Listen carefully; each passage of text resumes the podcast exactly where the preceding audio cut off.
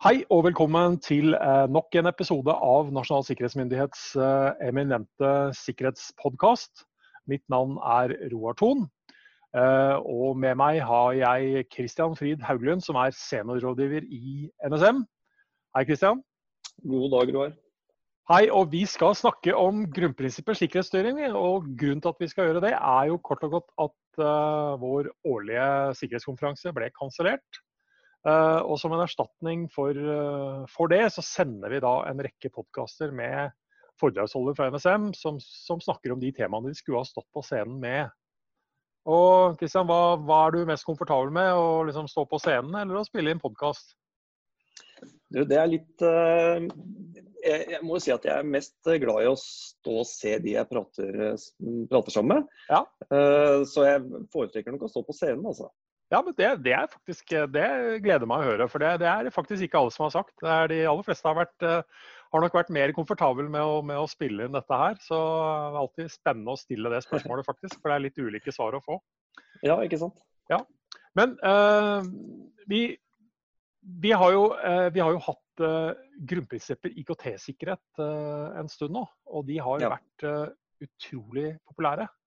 Ja. Uh, og, eller de, den, har vært utrolig populær og blir nevnt i utrolig mange sammenhenger overalt hvor jeg er. Uh, men nå kommer altså flere fagområder med sine grunnprinsipper, og da kommer jo dere med noe som er dette er jo liksom, uh, dette er her alt starter på mange måter, mener jeg. grunnprinsipper sikkerhetsstyring. Og hva, ja. hva er sikkerhetsstyring, og hva er grunnprinsippene for det? Sikkerhetsstyring er jo ikke noe, noe nytt, men har en, vi har fått litt mer fokus på det nå som ja. ny sikkerhetslov har, har kommet. Mm. Vi snakker jo om de systematiske aktivitetene som er nødvendige for å oppnå og opprettholde et forsvarlig sikkerhetsnivå. Mm. Uh, hva disse systematiske aktivitetene er, det avhenger jo i stor grad av hvordan virksomheten ser ut, hvilke ja. verdier de har og hvilke trusler de står overfor. Mm. Uh, så vil, disse, ja, så, så, vil, man måtte tilpasse sikkerhetsstyringen sin basert på eh, det bildet man opererer, opp, eh, opererer i. Mm. Men uh, i, i, liksom, i, med, med, grunnprinsipper, da, altså, som du sier, altså, begrepet er jo ikke noe nytt. og Går vi veldig langt tilbake til, så hadde vi kanskje kalt det kanskje ikke sikkerhetsstyring, men vi hadde kanskje andre ord for det. Men, uh, men det er liksom sånn ganske, ganske grunnleggende. Men, men grunnprinsippene, er de er de da bygd opp uh, på lik linje som de som, som holder på å si rollemodellen IKT-sikkerhet, eller? Ja, vi bygger det opp på samme, samme, mal. Det er for å få gjenkjennbarhet mellom grunnprinsippene. Mm. At vi benytter de samme typer kategorier. Uh, sånn at disse grunnprinsippene skal kunne stå sammen. Og ett sett grunnprinsipper alene vil jeg jo påstå Eh, blir svakt. og det er først når man setter alle tingene sammen at man får denne helhetlige tilnærmingen til eh, forsvarlig sikkerhet som vi ønsker at virksomhetene skal ha. Ja, fordi da, da, snakker vi liksom at det er ikke Ja, du kan sikre datasystemet ditt på en god nok måte, men det hjelper ikke hvis folk kan spasere rett inn på serverrommet ditt uten at noen kontrollerer de som skal ha tilgang der. Så det er liksom det, er, det, er det fysiske domenet, det er også mennesker, det er prosessene våre, og det er selvsagt teknologien. Og så er det da ganske fornuftig å ha kontroll og styring over alle disse tingene og se dette helhetlig, som du sier. Men hva er det som gjør sånne liksom, prinsippene nå så aktuelle? Det, nå har vi, vi har gitt ut uh, altså Først så kom jo en ny, ny sikkerhetslov. og ja. Så ga vi ut uh, veiledningen. Og mm. veiledningene uh, er jo lagd og skulle hjelpe virksomhetene å tolke kravene i, i, i sikkerhetslov. Mm. Uh, og så ser vi fortsatt at det er jo en rekke virksomheter som fortsatt driver sikkerhetsarbeid. De har viktige funksjoner ute i samfunnet. Uh, de har egne verdier, og de forvalter verdier på vegne av andre uten at de, nødvendigvis uh, er underlagt sikkerhetsloven. Mm. Så for å kunne gå ut med noen allmenngyldige, gode råd, så har vi da kommet ut med grunnprinsippene som skal treffe noe bredere enn det kun kravene i sikkerhetsloven gjør. Mm. Men er det sånn at vi ser, altså, vi ser liksom virkelig behovet for dette her ute hos, ute hos, virksomhetene gjennom det vi treffer på av de eh? Ja, også Du har jo også den store, store, grunnen til at vi både ser en endring i sikkerhetslov, og grunnen til at vi nå kommer med eh, grunnprinsipper innenfor sikkerhetsstyring som er av den formen de er, er jo at vi ser at det er et behov for å ha en eller vi ønsker en funksjonell tilnærming til de kravene som er der ute. Mm. Vi ønsker å ha en eh, dynamisk uh, oppbygd sikkerhetsstruktur som er i stand til å endre seg over, over, over tid. Uh, og vi krever uh, samhandling mellom virksomheter for å få dette til på, på en god måte.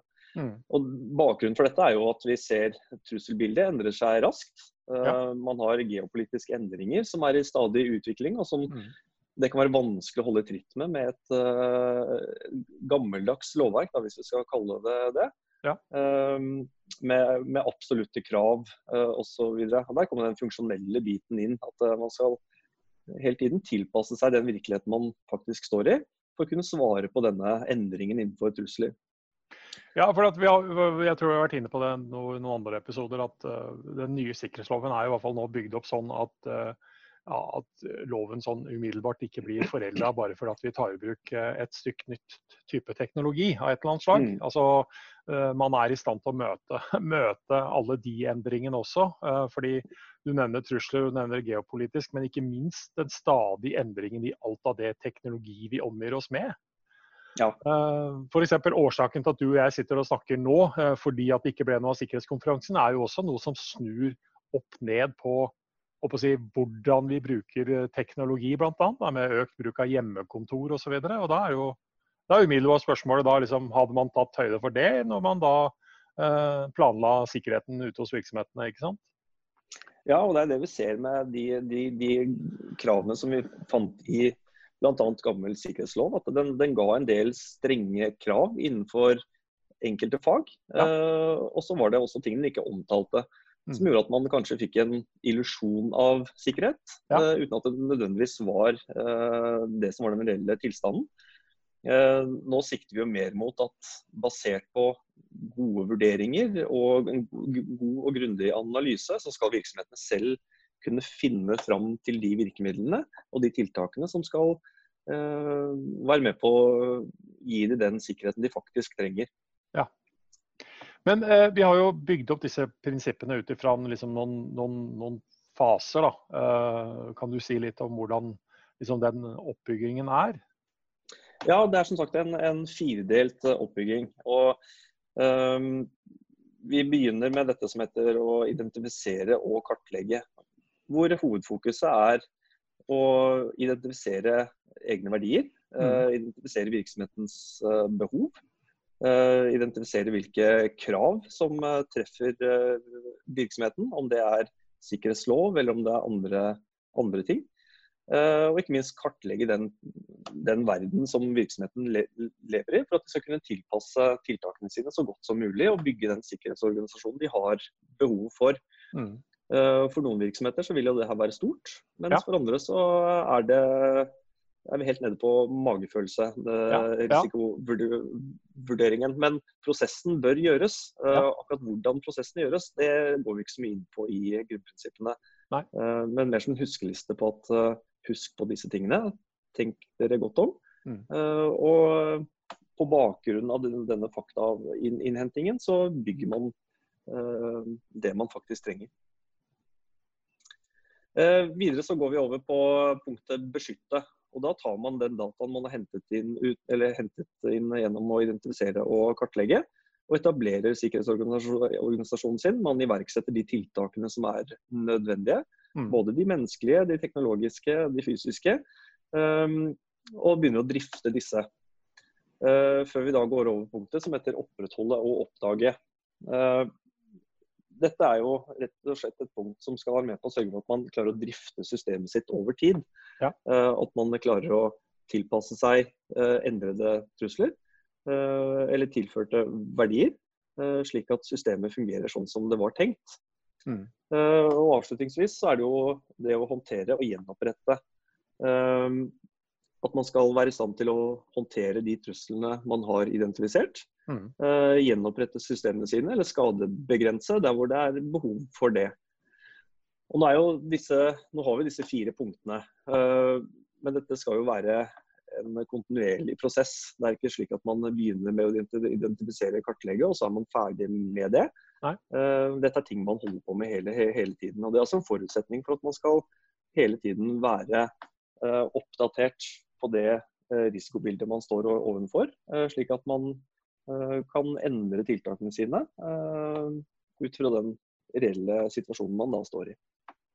Så Hvis vi setter dette på spissen, altså hvis, hvis, eh, hvis, virksomheter har gjort dette etter boka i disse dager, så har de virkelig hatt en ny, gjort noen nye vurderinger basert på at uh, de kanskje sitter med 90 av arbeidsflokken sin eh, hjemmefra og jobber for å levere det samme de skal levere. Det krever sannsynligvis en ny, ny risikovurdering og nye, ja, nye ja, vurderinger absolutt. av hva som kan skje. Ja. Absolutt. Eh, ved å flytte, sånn som veldig mange virksomheter opplever nå, så flytter man både verdiene sine og funksjonene sine, sine ut fra den lokasjonen man vanligvis har de i. Ja. Uh, hvordan skal man da svare på de truslene som treffer et annet sted? Hvilke mm. nye trusselaktører er det som kan treffe oss i en sånn situasjon som dette? Mm. Det er viktig å ha et fokus på, slik at man ikke nå fortsetter å jobbe mot uh, Eller å beskytte seg mot en trusselaktør som kanskje ikke er aktuell akkurat nå, Eh, men heller bruke tid og energi på eh, å finne ut hvem er det som ønsker å ramme oss nå, og hvorfor ønsker de å ramme oss, og hva kan konsekvensen være av det. Av det. Eh, og Hvis man tenker sånn hele, hele, tiden, også i en situasjon som vi er i nå, så uh, håper vi at, vi skal, også at virksomhetene klarer å innføre de tiltakene som er nødvendige for å beskytte seg i en hjemmekontorverden.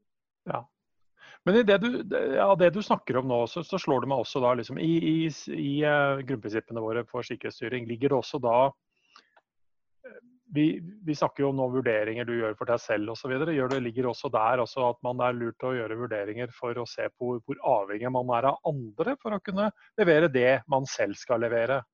Altså, det, vi, er jo, vi, er jo, i et veldig sånn nettverksbasert uh, samfunn hvor for at jeg skal få gjort jobben min, så er jeg avhengig av at andre faktisk leverer meg både det ene og det andre. Og, og hvor, hvor, mye tar man høyde for det, da?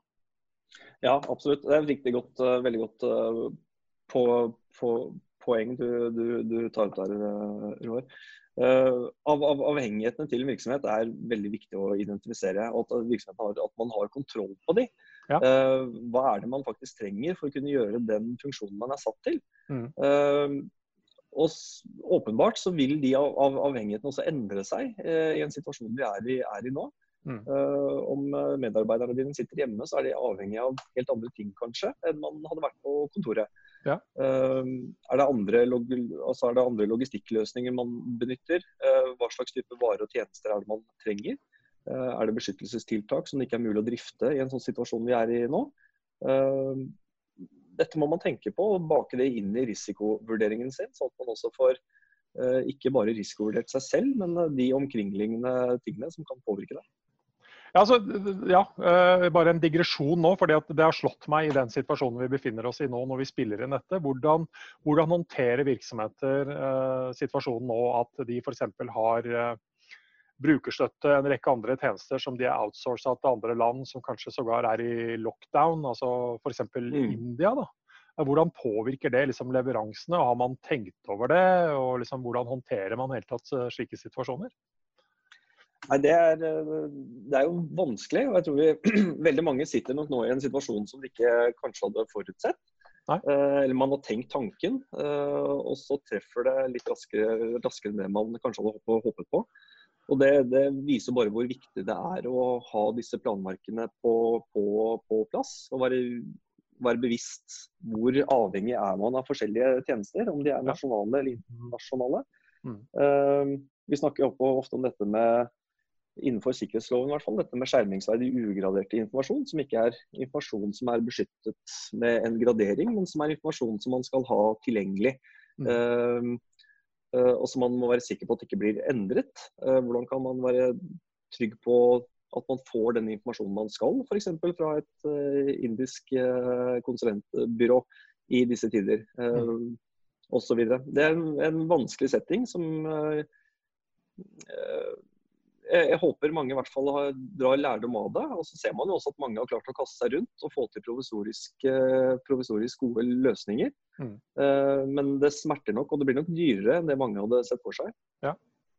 Ja, jeg tror nok i hvert fall at, eh, at uh, uten at vi liksom Jeg har ingen forutsetninger for å si hva, hva man opplever der ute nå, men at man, uh, at man nok vil gjøre seg noen erfaringer når vi er over det vi er i nå. Det tror jeg nok er helt uh, klart. At man kanskje ser ting med, med kanskje litt andre øyne. Ja.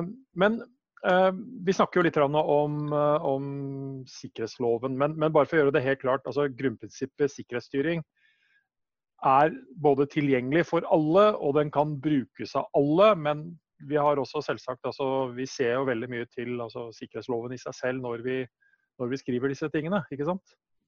Jo, altså, ja, det er, det er veldig viktig å få fram det at uh, grunnprinsippene våre er ikke kun for de som følger sikkerhetslov. Dette skal Nei. være allmenngyldige, gode eh, prinsipper som ja.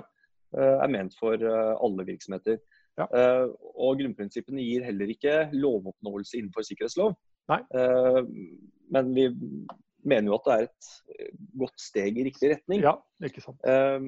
Uh, vi, vi, bruker også dette begrepet forsvarlig sikkerhet, og det bruker vi også innenfor grunnprinsippene våre.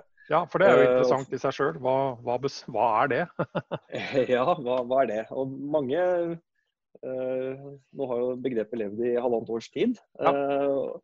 Og veldig mange er nok ute etter å finne hva, hva er det konkret? Eh, hva er formelen for denne forsvarlige sikkerhet? Eh, så enkelt er det nok ikke, men det er ikke så fryktelig vanskelig heller.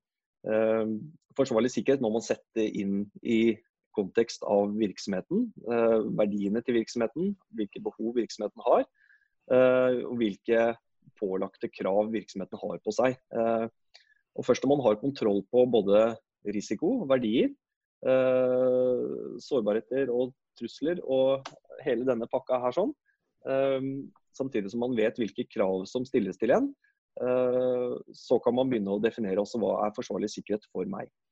Men, sikkerhetsloven er jo, noe, er jo ryddig der i det at den har en del funksjonskrav opp mot mm. både informasjon og fysiske krav og hvordan man skal behandle IKT-utstyr osv. Eh, og Der finner man jo de absolutte kravene.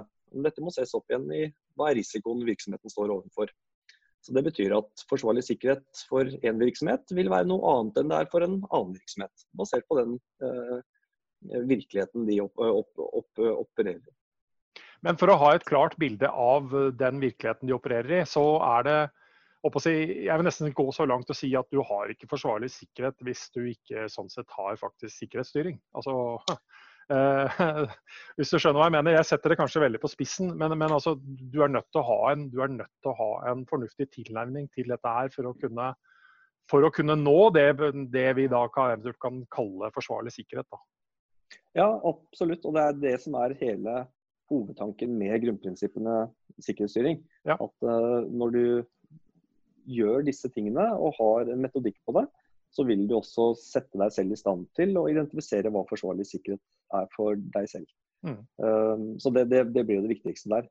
Ja. Uh, og det blir viktig uavhengig om du er under sikkerhetslov eller, eller, eller ei.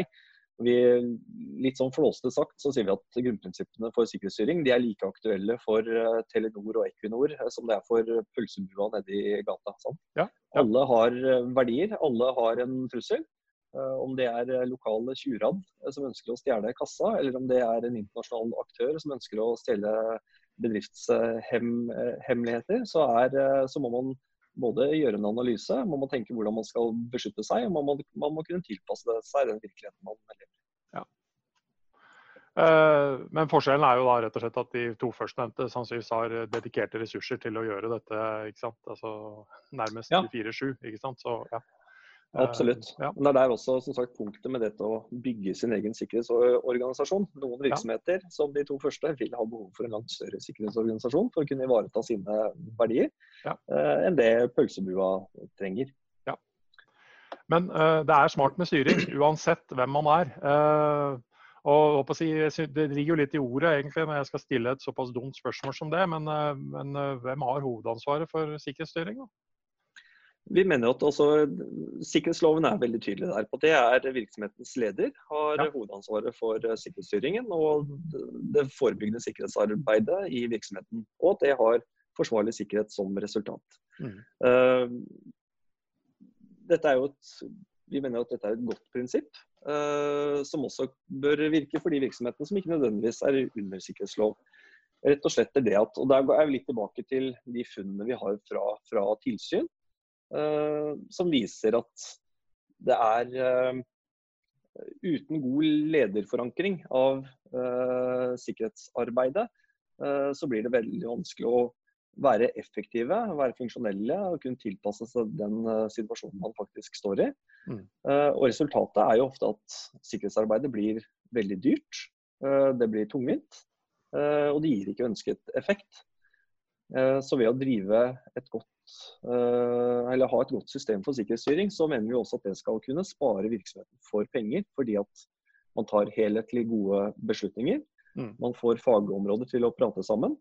Uh, og ikke minst man kan prate med på tvers av sektorer, fordi man prater samme språk og har en lik tilnærming til forebyggende sikkerhet. Og Dette med helhetlig blir jo, blir jo essensielt. og Det er altså få som egentlig greier å, å si, se ting helhetlig i så stor grad som de som faktisk sitter på toppen av organisasjonen. Og eventuelt også sørge for at uh, man, man, er i stand til å jobbe helhetlig. Altså, Jeg liker sjelden sånne gamle middelalderborger som, som, tegn på sikkerhet. Men hvis man tenker de forskjellige områdene som alltid fra fysisk sikkerhet, personellsikkerhet osv. Som, som tårn som blir plassert i hvert sitt hjørne av denne borgen, eh, så har de tårnene særdeles lite effekt hvis de faktisk ikke spiller sammen og bygger opp til en eh, på mange måter høyere og høyere mur eh, mellom tårnene. Så du, du, er nødt til å se dette helhetlig hvis du skal si, oppnå noe. Hvis ikke så har du bare enkelttiltak som, som trusselaktører spaserer tvers igjennom hvilken som helst dag. Ja, åpenbart. Og vi ser at vi har jo også vi har en god tradisjon for å ha lederansvar innenfor økonomi. Altså mål, når virksomheten sine økonomiske mål. Mm. Når man produksjonsmålene sine, når man HMS-krav og arbeidsmiljøkrav. Der er vi jo ganske enige om at dette er et lederansvar. Og så har ja. sikkerhetsarbeidet ofte blitt dytta ned på en sikkerhetsleder. Uh, og tendensen man kan se, er jo at det blir til dels vanntette skott mellom sikkerhetsorganisasjonen og den øvrige organisasjonen. Ja. Uh, og noen av funnene fra tilsyn også er at uh, hvis jeg skal kalle uh, at man ser tendensen til at det blir vanntette skott sant, mellom Eh, sikkerhetsorganisasjon og virksomheten for, for øvrig. Og dette er ikke heldig, for da får man ikke risiko- og sikkerhetsforståelse i organisasjonen. Du har en sikkerhetsorganisasjon som ikke nødvendigvis helt vet hva virksomheten driver med og hvilke behov den har. Og man har som resultat ofte at man gjør ting som ikke er nødvendige, som koster for mye penger eller som ikke er funksjonelle. Mm. Så du er inne på noe som, eh, som eh, i hvert fall sett med mine øyne er noe vi har jobba ganske målretta med i veldig mange år i NSM. Og det er å greie å løfte dette sikkerhetsarbeidet altså vekk ifra bare liksom, sikkerhetsleder, men å få det opp på et uh, forståelig nivå opp til faktisk altså toppledelse. Uh, og det er jo helt klart at uh, skal ikke si at det er bare pga. oss, men uh, utviklingen i seg sjøl i samfunnet går jo at man i større og større grad ser at toppledelsen involverer seg i dette her på en helt annen måte enn tidligere. Men da blir det igjen ytterligere smart å ha faktisk en plan og styre dette her etter, etter litt struktur, da, sånn at det ikke er etter innfallsmetoden. Ja, det er nok uh, fornuftig. Og det er jo sagt, uh, Drømmescenario er at man på styremøtet sitter og prater sikkerhet på lik linje som man prater økonomi og også, også drift. Ja. Og Det er jo det vi innenfor sikkerhetsstyring også mener er uh, den fornuftige måten. Så betyr ikke det at virksomhetens leder skal være altvitende og kunne nei, nei, nei. alt. Han må fortsatt støtte seg på dyktige fagfolk, men beslutningen og avgjørelsene sett i et helhetlig perspektiv må samles et sted. og Det bør være oppe på, på toppen, ja. sånn at man får tatt hensyn til produksjon, økonomi og personell. samtidig som man får innført de sikkerhetstiltakene man faktisk trenger. Mm. Har du noen avsluttende råd til de som lytter på nå, på liksom, hvis du skulle oppsummert uh, foredraget ditt på hva, hva man virkelig bør uh, altså, Utover det bare å ha altså, sikkerhetsstyring i seg selv, hva man, hva man bør fokusere på? Eh, ja, altså det viktigste og det som danner grunnlaget for alt, uh, alt, man gjør, er jo det å ha en risikobasert tilnærming til det forebyggende sikkerhetsarbeidet sitt. Mm. Uh, vit, vit hvordan tilstanden er der ute. Hvordan er, hva er den reelle trusselen mot deg? Hvilke aktører kan, ønske å gjøre noe mot deg? hvilke verdier er det du sitter på? Hvilke er det du har selv, og hvilke er det du for, for, forvalter på vegne av staten? Mm og finne ut hva slags krav som stilles til forvaltningen av disse verdiene. Eh, først når man har gjort det, så vil man komme inn på dette med forsvarlig sikkerhet. Mm. Uavhengig om det er innenfor sikkerhetsloven eller ikke. Eh, men dette danner liksom grunnlaget, altså den risikobaserte tilnærmingen. Det å tenke helhetlig er også viktig. Skal man dra nytteverdien av det lovverket vi nå har, som gir oss muligheten til å være funksjonelle. Mm. Eh, gir oss muligheten til å være dynamiske og kostnadseffektive. Eh, så må man ha en helhetlig tanke på hvordan man skal utforme sikkerheten sin. Mm. I det at man igjen at IKT prater med, sammen med, med, med, fysisk. Både så tiltakene kan dra nytteverdi av hverandre, og at man ikke lager unødvendig hull samtidig som man gjør ting så effektivt og kostnadseffektivt og enkelt som mulig. Mm. Um, ledelsesforankring var vi jo inne på. Ja. Gjør ja. sikkerhet til en ledelsessak. Mm. Um, sørg for at lederen tar beslutninger. Hold øverste leder informert om hva tilstanden faktisk er. Uh, sånn at man får flyttet ressurser dit hvor de faktisk trengs. Og at riktige avgjørelser blir tatt. Mm. Ehm, dette å sørge for tilstrekkelig risiko- og sikkerhetsforståelse i, organisasjonen sin og eh, de eh, virksomhetene som man er avhengig av, eh, er viktig for å sørge for en kontinuerlig utvikling. Og for å kunne lære av feilene sine og forbedre seg. Så må både øverste ledelse, sikkerhetsorganisasjon og de øvrige ansatte ha tilstrekkelig forståelse om hva er verdiene våre, hvilke trusler er det vi står overfor, og hvorfor har vi de tiltakene som vi faktisk har, og hvordan skal vi benytte de. Eh, dette er jo denne gode gamle sikkerhetskulturtanken, ikke sant. Ja, og Som en oppfølger av det, da, så, er det liksom Jeg mener at man også må bli tøffere overfor altså, underleverandører som er kritisk for virksomheten. Hvor man ikke bare må liksom, sånn sett litt sånn sørge for at de har forståelse for. Altså, man må faktisk stille krav til underleverandørene sine på, på sikkerhetssiden. Også for de selv som organisasjon eh, på mange måter eh, finne sin egen forståelse for hvor viktig dette faktisk er i sin leveranse. Men at man må stille altså, klarere krav til underleverandører, tror jeg er, eh, blir viktigere og viktigere framover. Ja, absolutt. Uh, sagt, ting henger såpass tett sammen nå. Og man blir stadig avhengig av flere. Verdikjedene blir lengre. Um, og det er vanskelig å ha en full oversikt. Men sørg i hvert fall for at de tingene man er helt avhengig av, uh, at man har kontroll på de, at man er tydelig i, i kravstillingen sin overfor de. Um, avslutningsvis er det dette med å sørge for at man får, er i stand til å forbedre sikkerhetstilstanden sin kontinuerlig. Ja. Uh, at man har systemer hvor man både får revurdert, at man får analysert og at man får evaluert og testet de, de, de tiltakene man faktisk har implementert.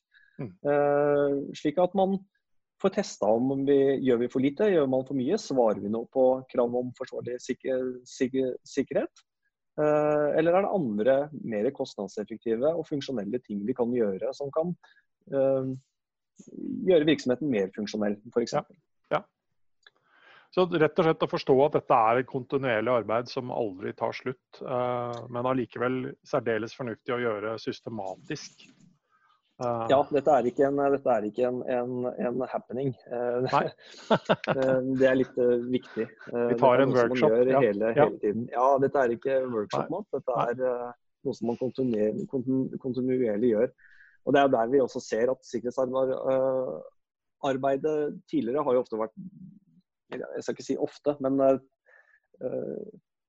jeg tror nok mange vil kjenne seg igjen når man ser at dette er noe man tar i skippertaksløsningen. Uh, gjør store innsatser på enten bygge infrastruktur eller innføre tiltak, og så mm. dør de gradvis hen. Og For å unngå å havne i en sånn tilstand, så er det viktig at man hele tiden kontrollerer og, for, og for, forbedrer seg og gjennomfører nye risikovurderinger. Spesielt når man har identifiserer at det er en økt trussel på noen ting, eller hvis man har tilført verdier inn til virksomheten sin. Så bør det være viktig å få, få gjort. Ja, altså for Til syvende og snakker vi om reelle sikkerhetstiltak som skal ha en effekt. Altså Det er så lett å gå i fella og tenke på når man bruker ord som sikkerhetsstyring osv. at det blir en slags sånn teoretisk akademisk øvelse. Det blir et papir, nærmest. Altså, eh, og mm. ja, det, det, er jo, det, er jo, kanskje et dokument eller et papir eh, og et system, men, men det skal altså knyttes opp mot reelle ting. Altså, Går vi litt tilbake i tid, så, så, var det en periode vi i NSM var veldig opptatt av, at, og det er jo fornuftig, at virksomheter hadde det vi kaller eh, grunnlagsdokument for sikkerhet. Um, mm. og, og, og, det trenger man uh, og fornuftig å ha, men, men problemet er hvis, hvis, man er fornøyd ved å bare ha dokumentet, grunnlagsdokument for sikkerhet, og det faktisk ikke blir en forbedring i de tiltakene man faktisk da faktisk fysisk har til stede, som, som har en effekt for sikkerheten. Mm. For trusselaktørene bryr seg ikke om du har grunnlagsdokument for sikkerhet eller ikke. altså. Nei, absolutt ikke. og Det er derfor man også gjennom, hvis man ser tilbake til, til sikkerhetslov, da, så har jo kravet om sikkerhetsdokumentasjon blitt noe mildere. Altså Man definerer ikke absolutt hva slags type dokumenter dette skal være, med unntak av dette ene eh, leders styringsdokument. Mm. Men dette lederens styringsdokument eh, dette er en kort og enkel sak som egentlig kun skal være sjefens intensjon i hvordan skal vi drive sikkerhetsarbeidet vårt på. Ja. Eh, dette skal være guiding lines på hvordan den, den øvrige organisasjonen skal forholde seg til det sjefen har ansett som det viktigste, basert på de verdiene som de da også, også, også har. Men utover det så kan jo sikkerhetsdokumentasjon være så mangt. Det kan være ja. møtereferater, det kan være arbeidsbeskrivelser. det kan, ikke sant? Mm. Så ikke, ikke, ikke, ikke, lag dokumenter som man ikke bruker, eh, Nei. er vel eh, en viktig sak. Jeg også har jo opplevd sikkerhetsdokumentasjon som disse permene som står i et låst skap, som man tar ja. fram en gang i, en gang i året. Sånn. Ja. Og da, da, da, er det ikke noe vits i å ha de. Dette må være levende dokumenter som man faktisk benytter seg av. Uh, ja. ja. Ja, Der tror jeg vi ikke er uh, veldig uenige om akkurat uh, det vi har vært igjennom nå. Uh, når blir grunnprinsippene tilgjengelige, da? Altså, for de er, i, når vi snakker sammen nå, så er de ikke, de er ikke ute ennå. Men de kommer. Ja, vi håper jo at de kommer ganske snart. Ja. Det gjør vi. Så, eh, så, sånn sett så var det vel heller ikke planen at uh, når du skulle stå på, opprinnelig på scenen og snakke om dette, så ville grunnlagsdokumentet være, eller altså grunnlagsdokumentet, grunnprinsippene være, være klare. Uh, men de ville altså være rett rundt hjørnet, og det er der vi, vi fortsatt er. Uh, ja. Så, så, dette har vært en uh, forsmak på hva som kommer. Uh, litt reklame om man vil. Og uh, forhåpentligvis også gode faglige innspill til å tenke litt på hvordan man kan gjøre dette her. Og så vil jo da grunnprinsippene bli tilgjengeliggjort på våre, på våre nettsider. nsmstat.no, eller bare rett og slett nsm.no. Og så vil det nok eh, bli flere anledninger til deg til å stå på scenen og snakke om eh, grunnprinsipper for sikkerhetsstyring når eh, bare verden kommer litt mer i vater igjen, Kristian? Ja, vi får håpe det ikke blir så lenge til. Det satser vi på. Så takker jeg for ditt bidrag for en hyggelig samtale. Ja, takk for nå, Roar. Trivelig. Hei.